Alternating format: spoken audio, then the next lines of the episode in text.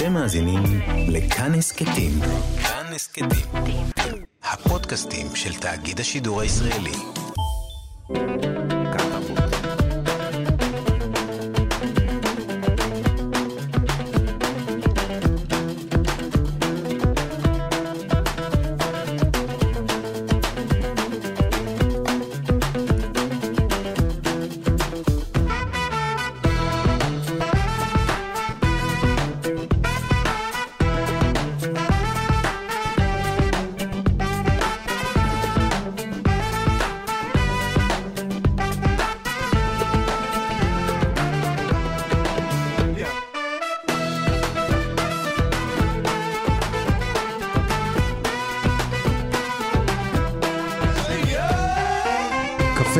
גיברלטר, מגזין תרבות עם שורשים. אני אופיר טובול, ואתם על כאן תרבות, 104.9 או 105.3 FM. ניתן להזין לנו גם בפלטפורמת ההסכתים שלנו ובספוטיפיי. את התוכנית עורך אלעד ברנוי, המפיק גיא מחבוש, ועל הביצוע הטכני שלומי יצחק. היום אנחנו בתוכנית uh, בסימן, צום תשעה באב, שהתקיים ביום ראשון. נדבר על אה, אירוע בערב הצום שקושר בין מגילת איכה לתופעת תאונות העבודה בענף הבנייה. נדבר על המוזיקה ששומעים uh, בתשעת הימים שלפני תשעה באב וגם uh, על הימים שאחרי תשעה באב. נדבר על הארי הקדוש, שיום פטירתו היה השבוע.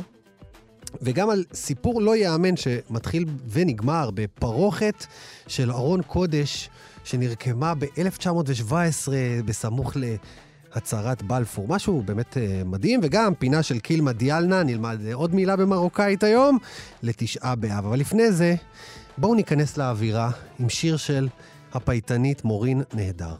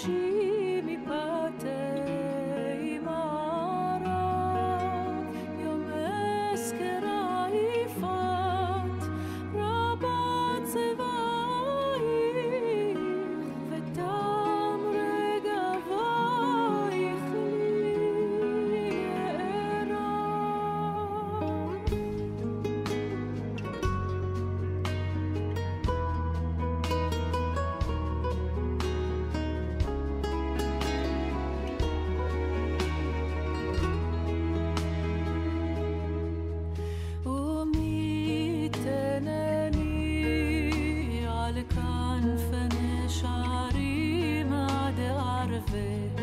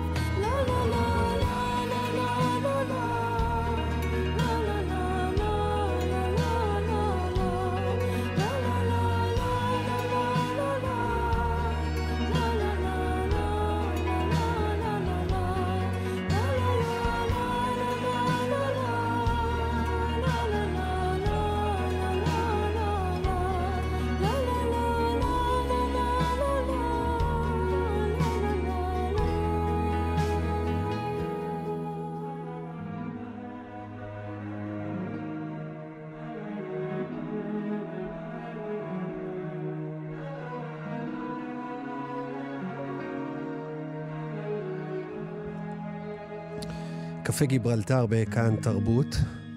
אחת התופעות הקשות ומצערות אה, אה, בחברה הישראלית, אה, שאנחנו לדעתי לא מספיק מדברים עליה בתקשורת ובשיח הציבורי, היא נפילה של פועלי בניין למותם, ובכלל הנושא של תאונות עבודה. רק היום נפל במפעל לייצור נגררים זכריה זנדוני, שהיה רב בית כנסת באשקלון, והוא הפועל השישי ש, אה, שמת השבוע, שנפטר השבוע בתאונות עבודה. במוצאי שבת, בערב תשעה באב, ייערך עוד אבנך ונבנית, ערב קריאת אה, מגילת איכה ושיח על תופעת אה, תאונות העבודה. ובערב תשתתף חברתנו חלי טביבי ברקת ממיזם פועלי צדק. חלי היא פעילה חברתית, ותיקה, דיברנו איתה כאן בתוכנית כמה פעמים על המיזמים השונים שלה. היא גם בתו של חיים טביבי, זיכרונו לברכה, שעבד כמנופאי ונהרג בתאונת עבודה. שלום חלי.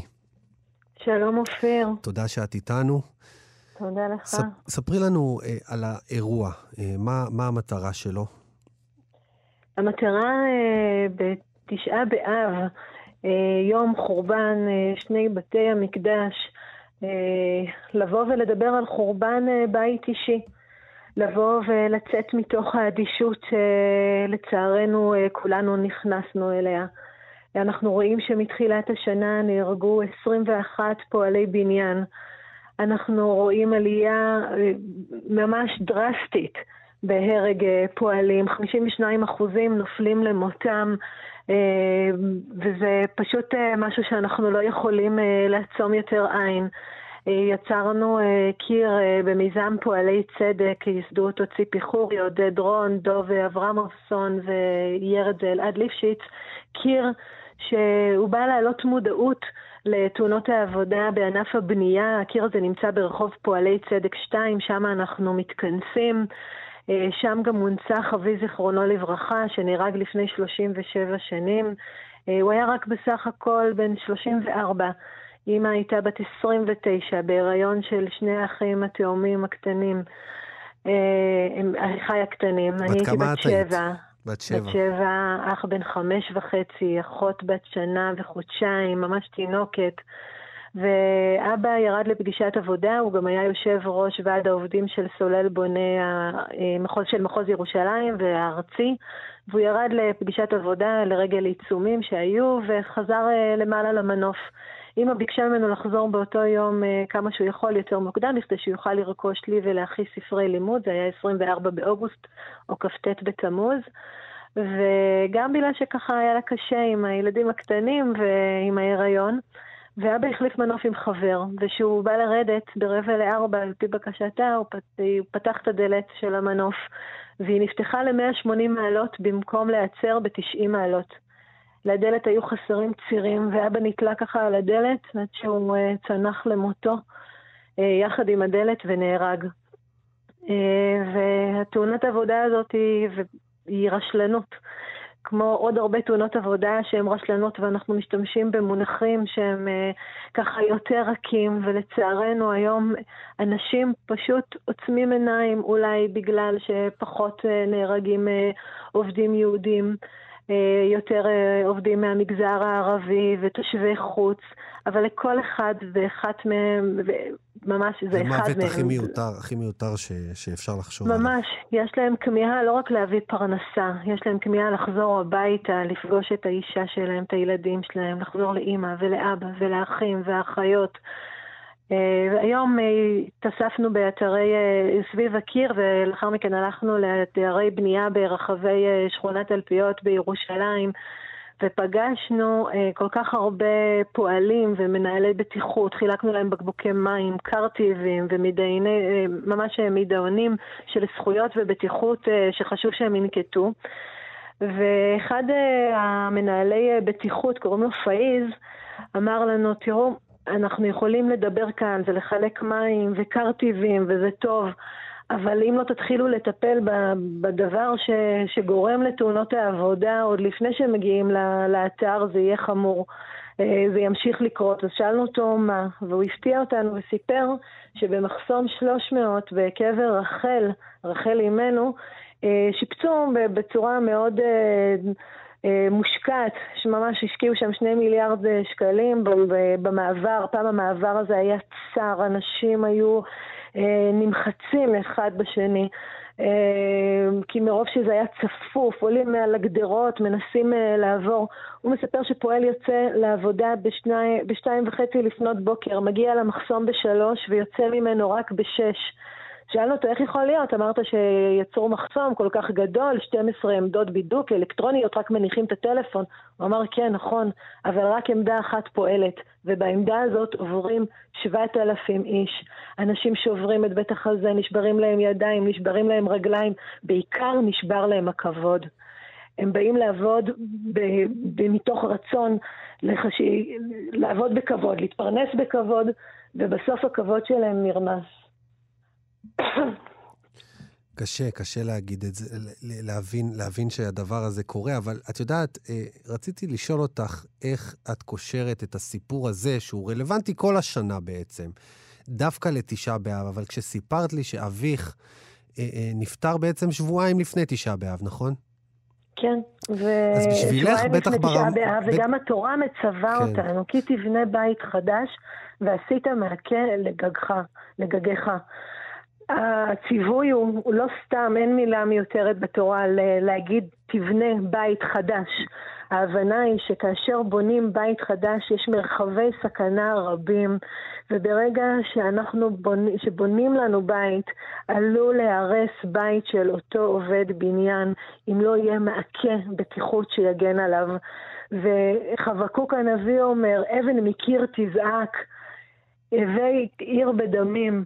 ופשוט אנחנו חייבים לראות כבר את הציוויים התורניים ואת ההבנה שאנחנו מדברים על אבן ומדברים על בית, אני חושבת שזה הכי אה, סימבולי לדבר כן. בתשעה באב, ואנחנו האזרחים. ביום שנציין את, אה, את חורבן הבית וגם את, את, ה, את הצורך שלנו היום כ, כעם שהצליח לבנות מחדש את הבית שלו, לתקן את הבית. וזו אחת הבעיות שאנחנו חייבים לתקן אותה. תגידי, איך אתם במיזם אה, שייסדת יחד עם השותפים מתכוונים לעשות את זה? מעבר לזה שתדברי בתקשורת ונעלה אולי קצת פה, פה ושם מודעות לנושא, בכלל שהציבור ידע ויכיר, אבל מעבר לזה, איך אפשר מבחינה חוקית או מבחינה אה, משפטית להילחם בתופעה הזאת? קודם כל אפשר לעשות עוד קירות אה, ברחבי הערים השונים, אה, כמו אה, פועלי צדק, או ללכת כמו קולנה ירושלים עם הריק של צדק. לפועלים ולעשות פעולה אקטיביסטית. אפשר להיות שומרי חיים, כל אחד ואחד מאיתנו האזרחים, להרים מבט שאנחנו עוברים ליד אתרי בנייה, לראות אם הם חופשים קסדה, מה, מה אני עושה? נניח שאני עובר ליד אתר בנייה, ואני רואה שה... שהפועלים בלי רואה... קסדות ובלי, ולא יודע, תלויים שם לא באוויר. לא רתום בחגורה שהוא כן. בגובה, אין פיגום צד, מרימים טלפון לקו לחיים של, ה... של המשרד לבטיחות וגאות, מצלמים את העבירה, מראים אותה. במידה ויש שם סכנת חיים, המשרד לבטיחות וגאות גם מעבירים את זה ל, ל, ל, למשרד... ל, מה? למשרד העבודה, כן. למנהל הבטיחות. אה, איך עוד אפשר לעודד את אה, פלס, מחלק פלס, אגף פלס של אה, ביטחון פנים, לעשות את העבודה שלהם, הם הוקמו בשנת 2018. מאז אירעו 920 תאונות עבודה, בסך הכל נחקרו 39 אך ורק 40, 4 אחוזים של תאונות העבודה, 4 אחוזים נחקרו. השנה הוגשו בסך הכל שלושה כתבי אישום ודיברנו על 21 הרוגים ושלא נדבר על כמות הפצועים אה, הקשים והלא קשים. אבל אך ורק שלושה כתבי אישום. כלומר, את אומרת שאפילו כשהדברים האלה קורים, אף אחד לא משלם את המחיר. ממש, ולכן צריך גם על פי ועדת אה, אדם אה, משנת 2014, המסקנות שלה היו שצריכים להקים רשות לאומית לבטיחות בעבודה. כרגע מה שאנחנו רואים, הרגולטור מפוצל בין משרד העבודה למשרד הכלכלה. שנה שעברה אה, המשרד לבטיחות וגאות היה במשרד הכלכלה, עכשיו שר העבודה מאיר כהן מבקש להחזיר את זה למשרד העבודה ומעבירים את ענף העבודה למשרד הכלכלה עם פיצולים.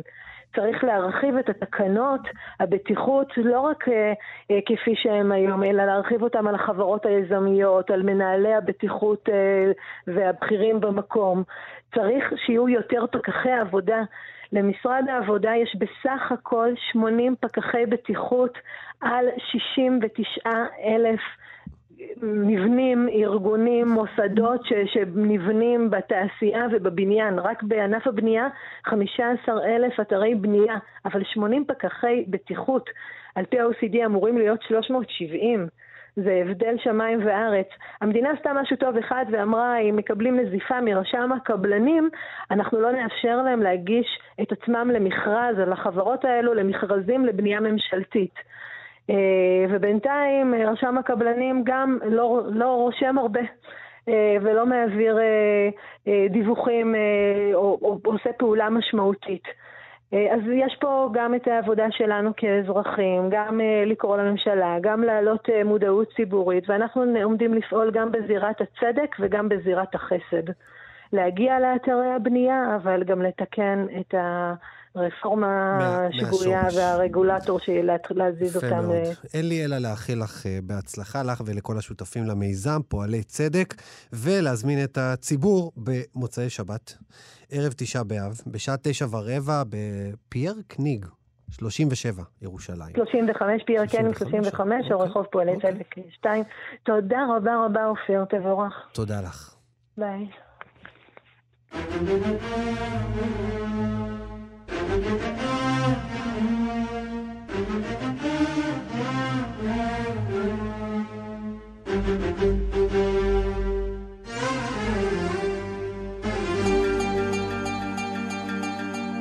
Yeah.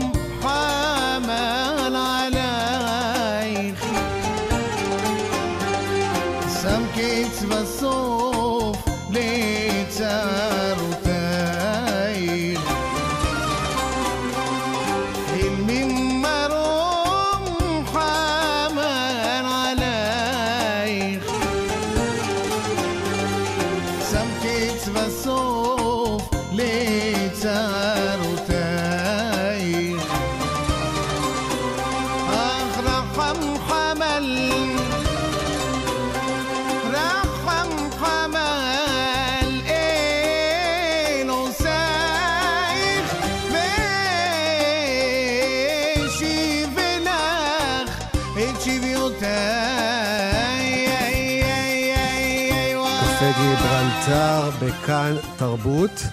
אנחנו שמענו עכשיו את הפיוט אה, "ביתי צאי מבית כלא" של אחד הפייטנים החשובים והמפורסמים במאה ה-20, רבי אשר מזרחי, שעסק בפיוטיו המפורסמים בנושא שיבת ציון, הקמת המדינה, גם בין היתר בפיוט הזה. והיום אני רוצה שנדבר על סיפור די מדהים שנחשפתי אליו אה, לאחרונה. מסתבר, מסתבר ש, שרבי אשר מזרחי היה לא רק פייטן, אלא גם רוקם.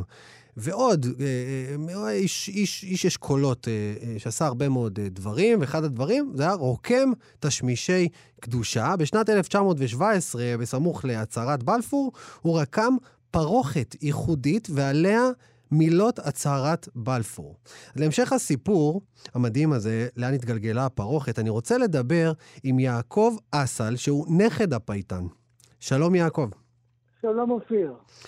אמ, תשמע, אז לפני שנמשיך בגלגוליה של הפרוכת, אני רוצה לשאול אותך עוד לפני, איך הוא בעצם הגיע מראש לרקום דווקא את המילים האלו על פרוכת ב- לבית כנסת? זה לא דבר מובן מאליו.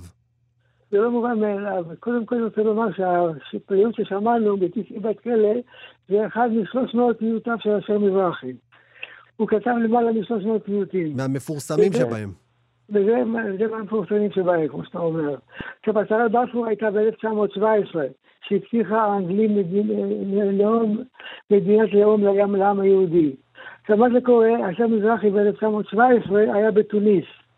הוא הגיע לתוניס ב-1912, לאחר שקיבל צו גיוס לצבא הטורקי. הוא ברח לא- בעצם.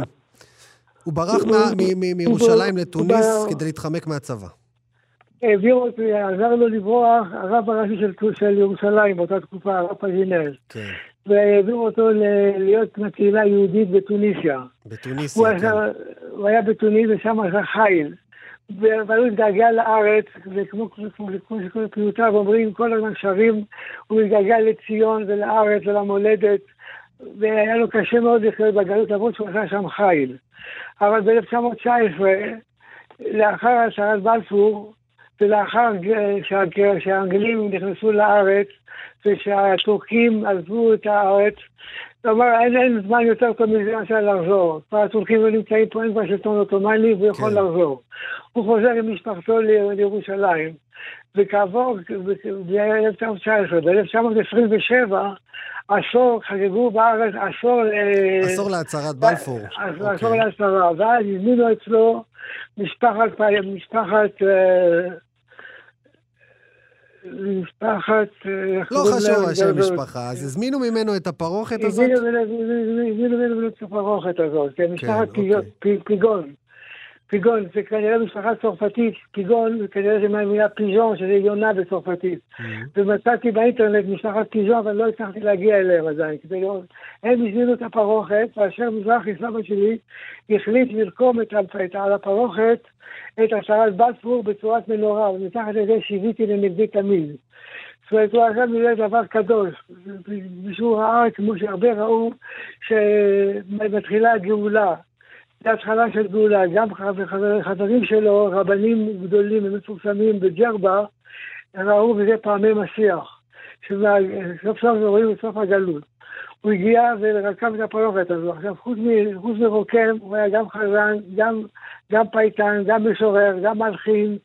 הוא עסק בכל הדברים האלה, והיה אומן בכל, בכל עברו. והרקמה שלו היא רקמה יוצאת דופן. יש לנו בבית גם תיק, תיק הטלית שלו, שהוא חלקם את השם שלו, אשר מזרחי, על התיק הטלית, שזה אותם אותיות שהוא השתמש בהם לכתיבת הפרוכת. אז לאן, לאן התגלגלה בעצם הפרוכת. הזאת? כי בעצם במשך, במשך הרבה שנים אתם לא, לא ידעתם, חיפשתם אחרי הפרוכת בכל. מקום ולא מצאתם, נכון?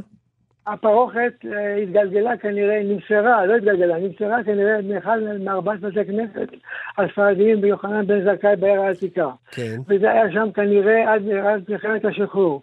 במלחמת השחרור בתי הכנסת נהרסו, וכנראה הפרוכת התגלגלה, אף אחד לא יודע לאן היא הלכה בזמן המלחמה. חשבתם שהיא כבר לא, שהיא- שהיא נעלמה, שהיא נשרפה, או שהיא כבר לא קיימת? נעלמה, חשבנו שהיא נעלמה או על ידי, על ידי מישהו, בכל אופן לא ידענו איפה זה, למרות שהסבא שלי היה בתוניס, אנחנו עלינו ארצה עם המשפחה, עם אמא שלי והאחים שלי, עלינו ארצה ב-1949, בעלייה הגדולה מתוניס. סבא שלי ושאר ילדיו נשארו בתוניס עדיין. כן. הוא היה מאוד מחובר לקהילה שם, והם לא- והם לא ויתרו עליו. אז הוא כתב לנו מכתבים, כל הזמן היה כותב מכתבים והיה אומר, והיה שואל, האם יש לך מושג איפה התגלגלה הפרוכת? אז לא יכולנו להיכנס לוותיקה ולחפש אותה, רק ב-1967, במלחמת ששת הימים, אז הדלתות נפתחו, וירושלים חוברה יחדיו. ואז מצאתם את הפרוכת אחרי לא, ששת לא הימים? מצאנו, לא מצאנו את הפרוכת. חיפשנו אותה ולא לא היה שום סימנים, שום כלום. ניסינו לחפש באינטרנט, אולי, מישהו ראה, מישהו, שום דבר. הלכנו לכל בתי הכנסת בעיר העתיקה ולא מצאנו. וביום אחד, אחת הקרובות משפחה, משפחה שלי, לומדת באוניברסיטה באמנות יהודית. באחד השיעורים הייתה להם שיעור הרצאה על. והמרצה סיפרה להם על פרוכת שרקומה עליה הצהרת בלפור. הבת דודה הזו ידעה את הסיפור, ומיד רצה לספר לנו אותו, שכך וכך. לקחנו את קצה, קצה, את הקצה הזה של החוט, כן. והתחלנו ל- ל- להתגלגל. הגענו לחברה, לחברה, לחברת קדם, שהיא חברה ל... מכירות פומביות, נכון? למכירות פומביות, מכירות פומביות. ושם מצאתם את הפרוכת? מסתבר שהיא הייתה שמה והיא נמכרה, מישהו קנה אותה. עכשיו, האדם שקנה אותה, לא יודעים מה הוא עשה איתה, אם הוא מכר אותה עוד פעם, אם הוא, אם הוא לא שילם את מה שצריך לשלם. והפרוכת נמכרה עוד פעם למכירה פומבית, בקדם. כי הוא לא הצליח, בגלל שהוא לא הצליח לשלם על הפרוכת, היא חזרה, למכירה פומבית, ואז אתם יכולתם להתמודד ולרכוש אותה במכירה? אבל מה, שמעניין, אנחנו גילינו את זה, את, הקטלוג של המכירה הספציפית הזו, מכירה מספר 80. גילינו את זה יומיים לפני, המכירה הפומבית.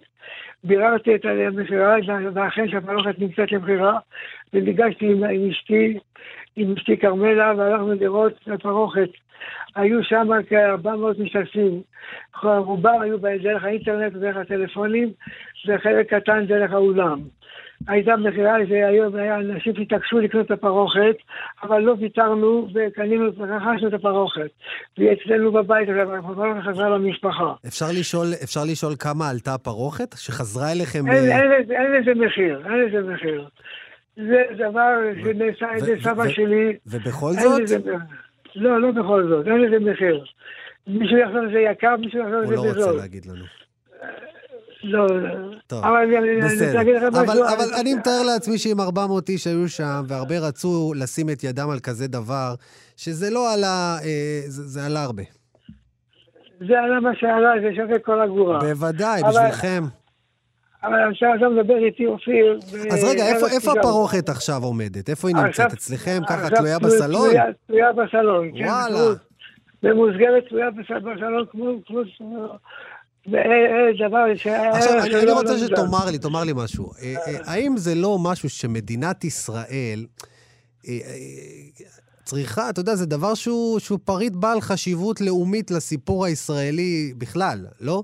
אתה, אתה נוגע, ב... אין ספק שיום אחד היא תגיע לאחד המוזיאונים, למוזיאון ישראל או למוזיאון בעיר העתיקה, היא תמצא את כן. המקום שלה. כרגע אנחנו רוצים ליהנות מהדבר הזה. לא, מגיע לכם. שלנו... עכשיו, יש לי משהו, סיפור קטן להגיד, להוסיף לך. לסיום, כי אנחנו- כבר נגמר לנו הזמן, אז... אה, שלנו ערב תשעה באב. כן. וסבא שלי היה מופיע ושר בפני גדולי, טוניסיה. הוא יום אחד הוזמן להופיע בפני, לחתונה של אחיינית של המלך, של כן. מלך טוניסיה.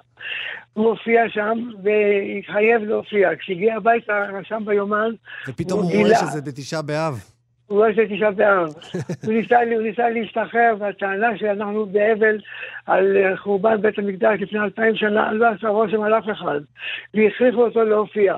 לא הייתה לו ברירה, הוא הופיע עם הקינות של תשעה באב על המוזיקה של רב אלואב. וזו הייתה ערב עם הצלחה גדולה מאוד. וואו. סיפור יפה גם סיימנו לתשעה באב. תודה רבה לך. יעקב אסל, נכד עופר. הפייטן החשוב, רבי אשר מזרחי. סיפור מדהים על הפרוכת, אה, שבסוף מצא. את מקומה אליכם בחזרה, וזה משמח ומרגש. תודה תודה. רבה, אופיר. תודה רבה.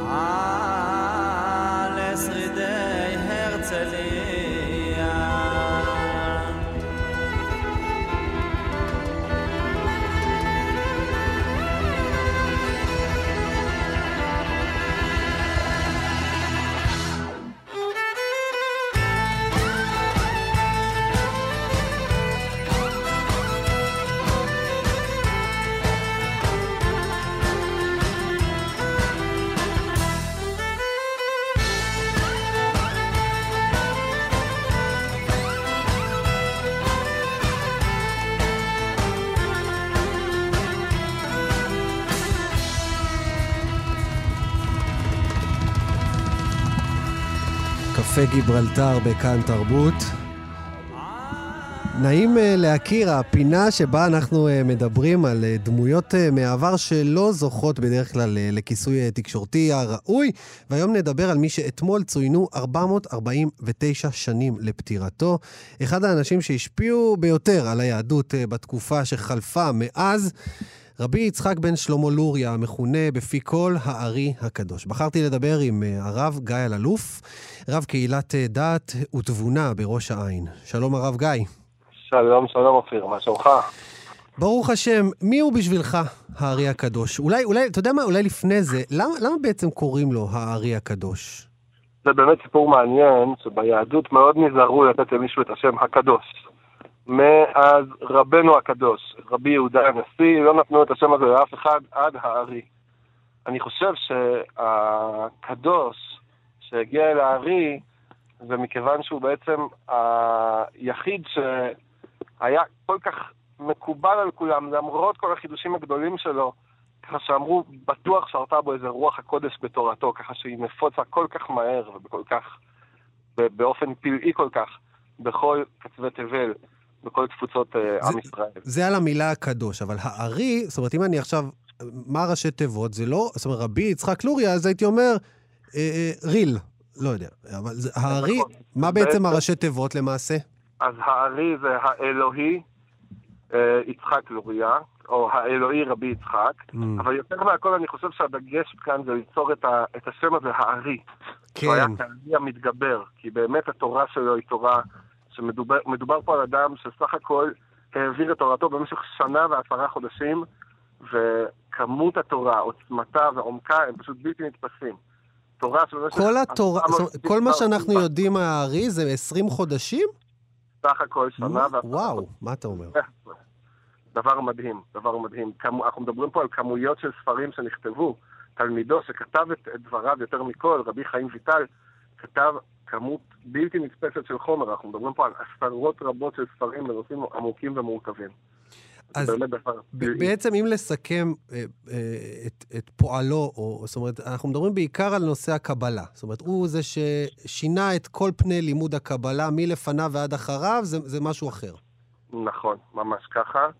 אני חושב שאם אנחנו רוצים לגעת בנקודות המרכזיות שכל כך משמעותיות בתורה של הארי, מבלי כמובן להיכנס לעומק הראוי להן, אז הנקודה אולי החשובה ביותר זה שהארי לא ראה את העולם הרוחני כעולם סטטי, אלא כעולם דינמי, עולם מתפתח, עולם שמתחיה כל רגע ורגע מחדש. הוא לא ראה את העולם כתמונה, אלא כסרט מתמשך של רוחניות, כמשהו שתמיד נמצא בתנועה.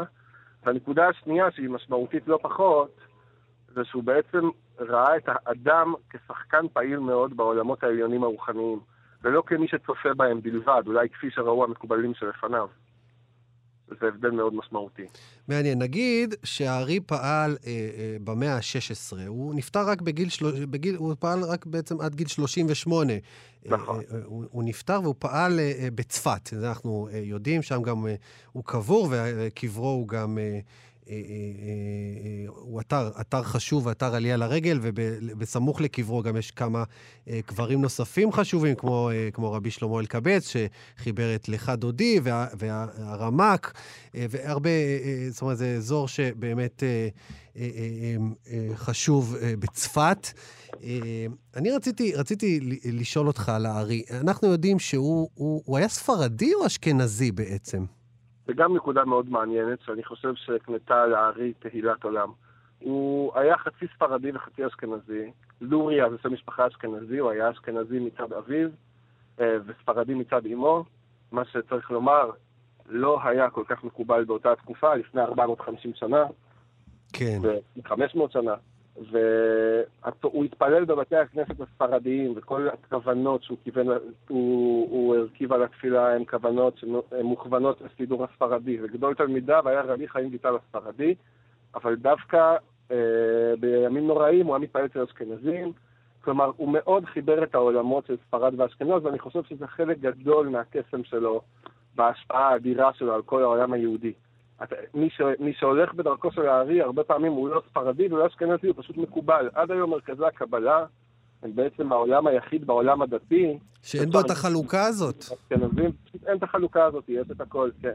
מעניין, מעניין. אתה יודע, אה, אה, אני, אני יודע שאחד מגורי הארי, זה בעצם הכינוי של אה, תלמידיו הקרובים, היה טובול, נכון? נכון, רבי יוסף אבן טובול, הוא בא ממרוקו, נכון, הוא היה מחשובי תלמידיו של הארי. אז בעצם מה שהיה זה שהארי, בגדולתו, ושבאמת זכה לכינוי, אנחנו צ- צריך להגיד גם שזה שכינו אותו הקדוש, כמו שאמרת, והארי והאלוהי, זה לא שאנחנו אה, שייכים לדת שאוהבת ל- יותר מדי להגזים בכינויים, כן? מדובר פה על אדם יוצא דופן.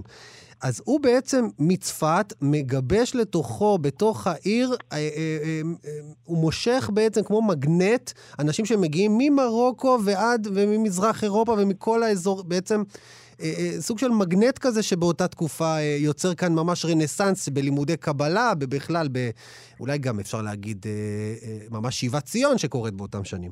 ממש ככה, וצריך לומר שהמסורת הזאת המשיכה אצל המקובלים ממש עד עצם ימים אלו, עד כה מדינת ישראל. אני כרגע יוצא מישיבת בית אל, שזו הישיבה העתיקה בעולם שקיימת, למעלה, קרוב ל-300 שנה, ישיבת מקובלים, וגם שם המסורת של הקבלה המשיכה, שבה הגיעו אליה אנשים מתימן, מספרד, מבבל, מצפון אפריקה, ומפולין, ומגליציה, וממש מכל רחבי העולם. החלוקה הזאת הייתה בטלה כאשר מדובר בתורת הקבלה.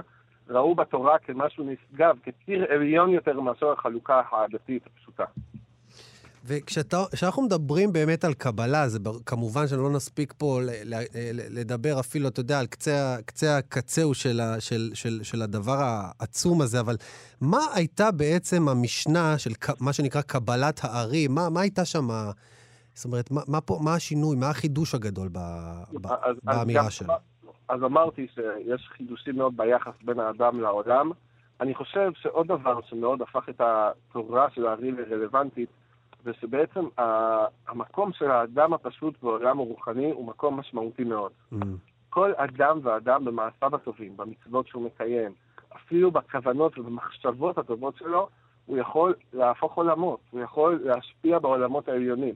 אני, אני אתן איזה דוגמה קטנה ברשותך. אני לפעמים יש לי ויכוח עם הבת שלי הקטנה, היא רק רוצה ללחוץ על הכפתור של המעלית בשביל שיהיה אור. ואני לא מרשה לה, היא אומרת, מה, אני אלחץ על הכפ... אני רוצה לראות את האור שלוחצים על קומה 4. אבל היא לא ממש מבינה שאחרי שאני אצא מהמעלית בקומה ראשונה, היא בכל זאת תעלה לקומה 4. בסדר, היא סך הכל רואה את הלחיצה על הכפתור. אז כך אפשר לומר, הארי יסתכל עלינו כאנשים שעושים פעולות שנראות להם קטנות, לוחצים על כפתורים, אבל באמת ההשפעה הרוחנית שלהם היא עצומה של כל אחד ואחת מאיתנו, ואני חושב שזה מאוד מחלחל לנפש. ברגע שאתה נכנס לתודעה כזו של המעשים שלך, יש משמעויות רוחניות, אתה הרבה יותר מודע לעצמך, הרבה יותר מדייק את עצמך, והרבה יותר מסתכל על העולם בצורה אה, רוחנית ורחבה. ולכן התורה הזאת כל כך ממגנטת אליה, אפשר לומר מיליוני אנשים בעולם כולו. עד היום. כן. ותגיד, אחד הדברים שבאמת הארי השפיע עליהם היה על סידור התפילה, נכון? על הדרך שבה אנחנו בעצם מתפללים עד היום, גם, אתה אומר, בבית כנסת ספרדי ואשכנזי כאחד. נכון. בעצם ההשפעה הגדולה של הארי היה על סידורי הספרדים, ולאחר מכן האשכנזים, אה, קרה להם אה, מה שקרה, שנולדה תנועת החסידות, והם נורא רצו להתפלל על פי הקבלה, וראו שזה לא מתאים לנוסח שלהם. אז לכן הם לקחו סידור ספרדי, והתחילו להרכיב אותו על הסידור האשכנזי שלהם, על פי כוונות הארי, ומכך נולד תופעה מעניינת של הסידור החסידי, קוראים סידור ספרד. ספרד, כן, כן. תגיד, מה, מה, מה, מה הוא הכניס לתפילה? איזה שינויים? זאת אומרת, כוונות. זאת אומרת, תוך כדי שאתה מתפלל, אתה מקבל גם הנחיה על מה לחשוב, או על מה- למה להתכוון כשאתה לא, קורא את בעצם- הדברים. אתה בעצם נכנס לתודעה אחרת לגמרי של תפילה. אתה בעצם מפרק את המילים לגורמים הראשוניים ביותר שלהם, שמתוכם אתה יכול להוציא איזשהו אור שגלום במילה ולסדר אותו מחדש. Mm. כלומר, אתה לא מסתכל רק על, על המילה כ, כטקסט, כמשהו, כמשהו שנאמר, אלא גם כמשהו שהוא פועל בעולמות הרוחניים, והמשמעות שלו היא עמוקה יותר. כלומר, זה כמו להיכנס עם מיקרוסקופ לתוך המילה ולראות את המבנה הפנימי שלה, הרוחני. מעניין מאוד. הוא עצמו אה, גם כתב, אה, כתב כמה פיוטים, נכון? נכון, האמת היא שנשאר לנו מעט מאוד מכתיבת הארי עצמו, אבל אחד מהדברים שנשאר לנו זה שלושה פיוטים, אחד עוד מוטל בספק, שניים ודאיים, שהוא כתב לסעודות השבת. כן, אז למר בשבחין והסדר לסעודתה. אז, אז, אז זמר בשבחין זה פיוט שאני אני לא יודע אם כל קהילות ישראל, אבל אצלנו במשפחה כן קוראים את זה בערב שבת, נכון? ו- והזמר לסעודתה זה השני, זה, ב- זה, זה, לסעודה השנייה של שבת, בבוקר? כן, זה בוקר שבת. ו- ויש עוד פיוט שאתה אומר שלא בטוחים שזה הוא? כן, יש עוד פיוט שהוא כתב לסעודה שלישית, שיש מחלוקת אם הוא כתב אותו או לא, אבל אנחנו נוהגים כאילו הוא כתב אותו, מפייטים אותו. זה, זה גם פיוט יפה מאוד. Uh, הפיוטים האלה לדעתי גם, אני חושב, אני, אני לפחות זוכר בתור ילד, יש, אני חושב שאנחנו מכירים את uh, רחוב האגף אחד של אהוד בנאי, כן. בשיר הוא, הוא מכניס את הסדר לסעודתה של הארי הקדוש. כלומר, זה פיוט שהתקבל בקהילות ישראל, ואני חושב שגם מי שלא מבין את הארמית שלו עד הסוף, את המילים העמוקות והקבליות, בכל זאת זה פועל איזו פעולה מאוד מיוחדת על הנשמה, המילים המיוחדות, הניגון שלהם, הרגש, זה מצליח לעבור גם בשפה כזאת. אחד, ה, אחד הדברים שהארי מקושר אצלי, שאני, אתה יודע, הדיוט גמור, בוא נגיד, בנושא הזה של קבלה ובכלל, גם בשאר הדברים, אבל אה, אה, אה, זה אולי איזשהו, לא יודע איך לקרוא לזה, אולי דק, דמוקרטיזציה של לימוד הקבלה. כלומר, זה כבר לא משהו שרק... רק אנשי מקצוע, אה, אה, אתה יודע שזה משהו ש, שצריך לעבור וללמוד את כל אה, אה, ארון הספרים היהודי, וכשסיימת הכל בסוף, בסוף, בסוף, אולי תוכל לקרוא קצת בזוהר. כלומר, גם החסידות לקחה את זה אולי צעד קדימה, לבוא ולהגיד, זה משהו שדווקא אפשר להנגיש אותו לפשוטי העם, או, ל- או, או, או, או לעם שבשדות. זה נכון? להגיד את זה על הארי? חד משמעית, והארי לא רק שהוא עושה את זה, הוא גם, הוא גם נותן לזה איזושהי אידיאליזציה, הוא מסביר את זה, הוא אומר, תשמע, הגענו לת- לתקופה שהוא קורא לה, שים לב, לפני 500 שנים, עקבתא דמשיחא, עקבי משיח, ימות המשיח. הוא אומר, בתקופה הזאת של ימות המשיח, האורות העליונים מתגלים מחדש אחרי הגלות הארוכה, ולכן הסודות מתחילים לזלוג החוצה. הוא אומר, ומה שהיה נסתר ונעלם במשך אלפי שנים, יתחיל להתגלות יותר ויותר. אני חושב שזו נבואה שהתגשמה. אה, אני חושב שזה היום ממש מדהים לראות את, ה, את ההתפשטות של תורת הסוד, גם, גם בקרב אה, לומדי תורה וגם בקרב כאלה שלא כל כך קרובים לעולמה של תורה, ואפילו בקרב כאלה שאינם יהודים. כן, אנחנו... ראינו את מדונה ו... ועוד. מכה, מכה גלים בעולם כולו, כלומר, האורות העליונים שמתפשטים כנראה במשך 500 השנים שעברו. דרך אגב, זה מקובל? זה, מק... זה, זה בסדר שלא יהיו, זאת אומרת שפשוט כל אחד יכול לבוא ולגעת בחומרים האלה שהם, אה, איך הגדירו אותם כמו חומר נפץ בעצם, זה כל אחד יכול ככה לגעת בזה? תראה, אנחנו מתייחסים לזה כמו כל, כל חומר שנלמד בעולם. אה, כל אחד יכול לשמוע הרצאה יפה אה, לחובבנים באוניברסיטה על אה, המצב הביטחוני בישראל, אבל זה לא אומר שהוא יכול להיכנס לתדריכים כן. של רות אמ"ן.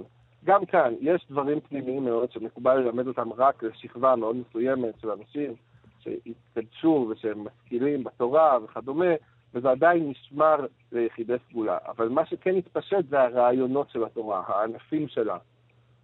אפשר לומר הפירות שלה יוצאים החוצה. השורשים נשארו עדיין ליחידי סגולה. שכמובן אני לא נמנה עליהם, אז, אז אני לא יודע מה הם אומרים ומה הם לומדים. הרב גיא, אני ככה, ממש בנקודה האחרונה שאתה הרגע קודם דיברת, על, על זה שהארי מגדיר את תקופתו כ- כהתחלת עקב, עקבות המשיח.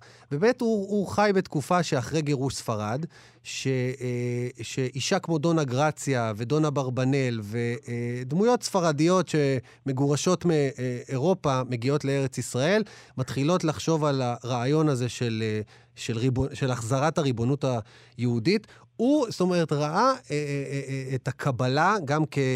כמשהו שאתה יכול דרכו, דרך העשייה שלנו בעולם הזה, להשפיע על המציאות, גם הפוליטית למעשה. חד משמעית, אני חושב שזה מתחבר. עוד פעם, אמרתי בתחילת הרעיון שהחידוש הגדול זה שהארי ראה את המציאות כדינמית ושהאדם כל הזמן משנה בתוכה. אני חושב שתורת הארי היא בעצם, בנוסף לעומקה, היא גם הוראות הפעלה. זו תורה שקוראת לך, צא ופעל, בוא ותגאל את העולם, על ידי המעשים הרוחניים והגשמיים שלך. וזה הבדל משמעותי מהקבלה שהייתה לפני כן, מה שהארי בעצמו קורא לו קבלת הגלות. Mm. כלומר, יש כאן איזו תורה שקוראת לך להתקדם. לבנות את העולם בעצמך. אני חייב לציין, גילוי נאות, אנחנו מכירים קצת לפני, ואני יודע שאתה מתעניין, וכל חכמי ספרד שפעלו ברבדים הציוניים, ב-200 שנים האחרונות, כולם הושפעו ללכת לנקודה. כאן אתה מדבר בעצם על הבסיס של כל הדבר הזה. בדיוק. בדיוק. כן, אני מדבר על בסיס הרוחני, צריך לומר, גם אחרי זה, גם, אה, גם, גם חכמי אשכנז, גם הגאון מווילנה וגם הבעל שם טוב ותלמידיהם שעלו לארץ ישראל, וגם אצל יהדות ספרד, דמויות מפורסמות מאוד שפעלו אה, בכיוון הזה, כמו, אה, כמו אסדי חמד וכמו אולי, אולי גדול הפועלים בתחום הזה, שזה היה אה, רבי יהודה אלקלעי, והם כולם הושפעו מאוד מתורת הארי ומהרעיונות שלה, שקוראים לפעול ולהביא את הגאולה. מרתק, באמת, אה, אה, זו שיחה שאני רוצה שנמשיך אותה.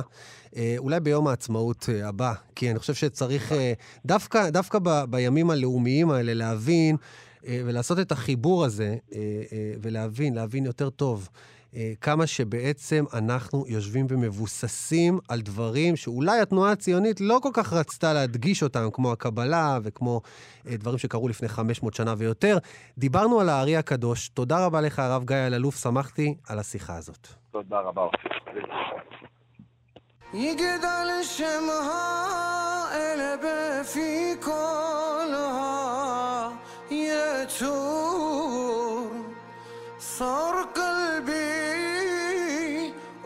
عندي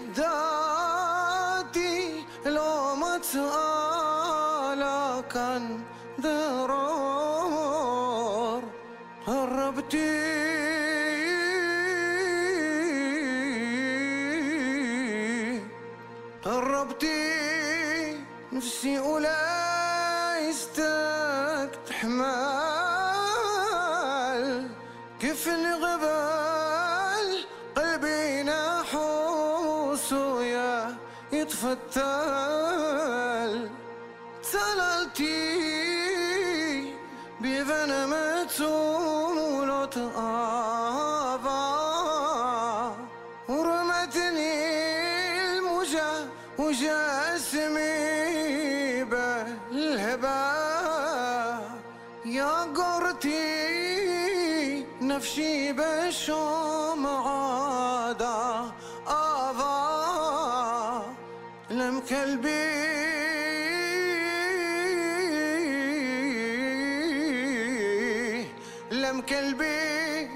يرفع ولا ويكون كالنبال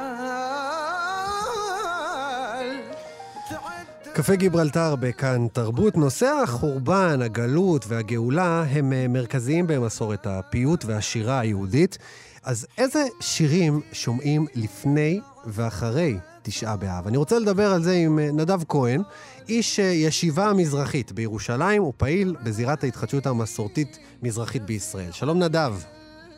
שלום וברכה אופיר, מה שלומך? אז תראה, אנחנו מדברים כי נחשפתי לפלייליסט מאוד מעניין שאתה הרכבת לשירי, של שירים לתשעה באב. עכשיו, צריך להגיד שמבחינת המסורת לא אמורים לשמוע אה, בכלל שירים, אה, לפחות מוזיקה, בימים שלפני תשעה באב. ספר לנו קצת אולי על הפלייליסט הזה, מה, מה, מה שמת שם, מה הרכבת שם. זהו, אז באמת הפלייליסט הזה ש... שערכתי, הוא אוסף אה, דווקא פיוטים שחלקם הגדול כן אה, התחבר לתשעה באב. אה, יש את המסורת של אמירת הקינות, שהיא מסורת שרווחת בכל תפוצות ישראל, כל עדה ועדה לפי המנהג שלה, ולמעשה המנהג של ישראל היה לשבת ולקונן בתשעה באב, גם ביום וגם בלילה, לקונן על החורבן. ועכשיו, מה, ש... מה שיפה הוא שבעצם הדבר, גם הקינה נאמרת דרך שיר. כן. אה, שזה מסורת אה, עתיקה, שגם כש... כשהיה נפטר היו יוצאים, יוצאים בחדידים אה, ו- ושרים שירי אבל בעצם על הנפטר, וככה אנחנו עושים גם במישור הלאומי אה, בקשר לחורבן הבית ולגלות ולכל זה. אז אה, כך שזה בהחלט אה, אה, קיים שירים שקשורים לתקופה הזאת, וזה בעצם מה שניסיתי לעשות באותו פלייליסט. מעניין שבקשר למסורת מרוקו, אה, שמעתי מיגל הרוש, אה, ש- שהמנגינות שהיו שרים את הפיוטים של, אה, של תשעה באב, הן מנגינות שהן בעצם שייכים לחגים אחרים, לכן אפשר לשמוע שם משהו הרבה יותר אופטימי במוזיקה, כי המסורת אומרת שתשעה באב עתיד להפוך להיות ליום חג, בעזרת השם שנזכה לגאולה השלמה, ולכן גם אם, ה- אם המילים לא ימשיכו איתנו, לפחות המנגינות תישארנה. יהיו אז, מילים, אה, יהיו מילים חדשות למנגינות האלה. תגיד, אני יודע שהנושא של גאולה, גאולת ישראל, הוא מאוד מרכזי בעולם הפיוט, אבל עד כמה, עד כמה גם הנושא של חורבן, או של גלות, או בכלל הנושאים הקשים של, ה, של החוויות הקשות שעברו על העם שלנו, עד כמה הן מרכזיות ב, בעולם הפיוט? תראה, באמת הנושא של הגאולה, אני חושב שהוא אולי לא רק נושא מרכזי, אלא הנושא של, של הפיוט. כלומר, אתה יודע, הפיוטים יכולים לדבר על כל דבר, על חגי ישראל, על דבקות באלוהים, על מידות טובות, אה, אה, אבל תמיד יהיה שם בסוף איזשהו אזכור של אה, ציפייה לגאולה. הפיוטים שמוקדשים ממש לנושא של הגאולה, ולנושא של ה... כן, אז גלות וגאולה, הם, הם באמת מתחילים תמיד במקום של הגלות. של השבר, בעצם מתייחסים לעין, למה שאנחנו חסרים אותו, ומשם תמיד יש איזושהי המתקה במהלך הפיוט.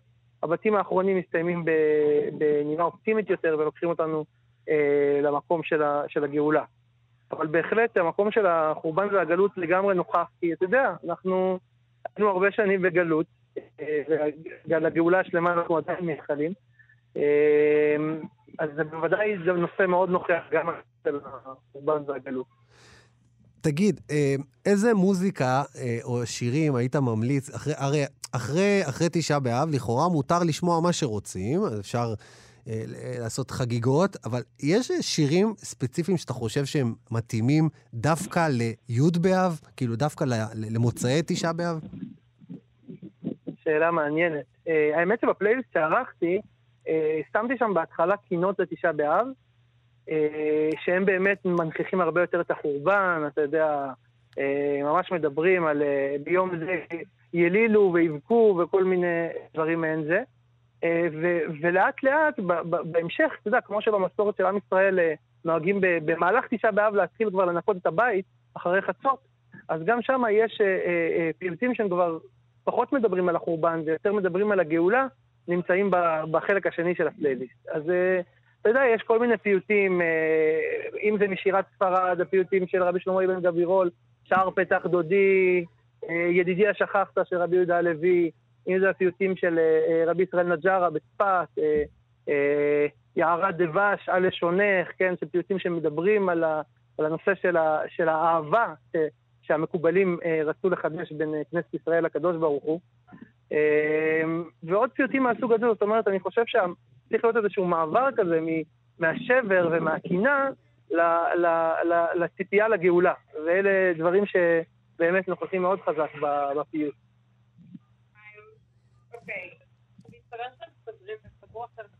אופיר? כן. אז אני, אני רציתי לשאול אותך ממש אה, אה, לסיום, נדב, אה, כשאתה מדבר על התחדשות, אני רציתי לשאול על ההגדרה שנתת קודם, על התחדשות אה, מסורתית מזרחית. אולי באמת השאלה, איך אפשר לחדש גם את, ה, את עולם הפיוט ביחס לתשעה באב? כי בעצם היום אנחנו גם כבר כאן, ירושלים שאתה מסתובב בה כבר לא חרבה. איך היית, איך היית מתאים את זה לדורנו? אה, שאלה יפה מאוד. אני, אני, אני חושב שה... כלומר, זה נכון שמבחינת ה, המציאות החיצונית, אנחנו בוודאי במציאות... אה, מציאות של אה, לפחות, אתה יודע, התחלת את הגאולה, מה כן. אתה לא תקרא לזה, זה בוודאי, אנחנו ירושלים בנויה, כן, קשה להגיד שירושלים חרבה. אה, אבל אנחנו עדיין חסרים את ה... את ה... נקרא לזה את הגאולה הפנימית. כלומר, התחושה היא ש, שהנפש עדיין לא הגיעה למצב של הגאולה. בהחלט. אה, נדב, אנחנו חייבים לסיים, למרות שהייתי מאוד רוצה להמשיך איתך. תודה. אבל אנחנו חייבים ללמוד מילה, את המילה השבועית שלנו במרוקאית, אנחנו חייבים ללמוד, אז קדימה.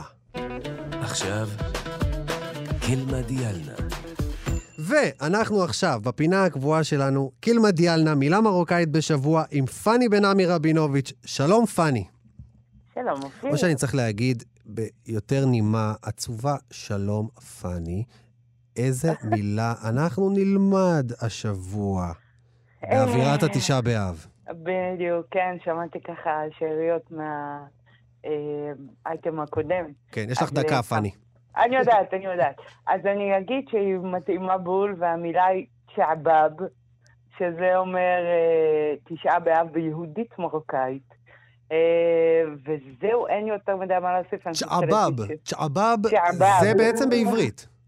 כן, זה בעצם בעברית. במבטא מרוקאי, אבל זה כן, כבר כן, ביטוי מרוקאי הפך להיות. ממש, כן. אפילו מוסיפים לזה כמר דל צ'עבאב, או הוז דל צ'עבאב. שמה, שמה זה אומר? פני תשעה באב. פרצוף תשעה באב. אוקיי. אוקיי. אז זה- זהו, זה, יש לזה ממש אה, עולם מושגי. כן. וזאת מילה שכל כל הזמן משתמשים בה. צ'עבאב, נכון. כל השנה, לא רק בתשעה באב. כן. טוב, אה, למדנו, אני מזכיר את דלח, אבטיחים, דיאלנה משלנו, אה, סנדוק לעג'אב, טלוויזיה, וצ'עבאב, תשעה באב. תודה רבה לך, פאני בן עמי רבינוביץ'. ניפגש בשבוע הבא. בהחלט. וזהו, הגענו לסוף התוכנית, קפה גיברלטר, מגזין תרבות עם שורשים. תודה לעורך התוכנית אלעד ברנועי, למפיק גיא מחבוש, לשלומי יצחק על הביצוע הטכני. אני אופיר טובול, ניפגש כאן שוב, בעזרת השם, בשבוע הבא. שבת שלום ולהתראות.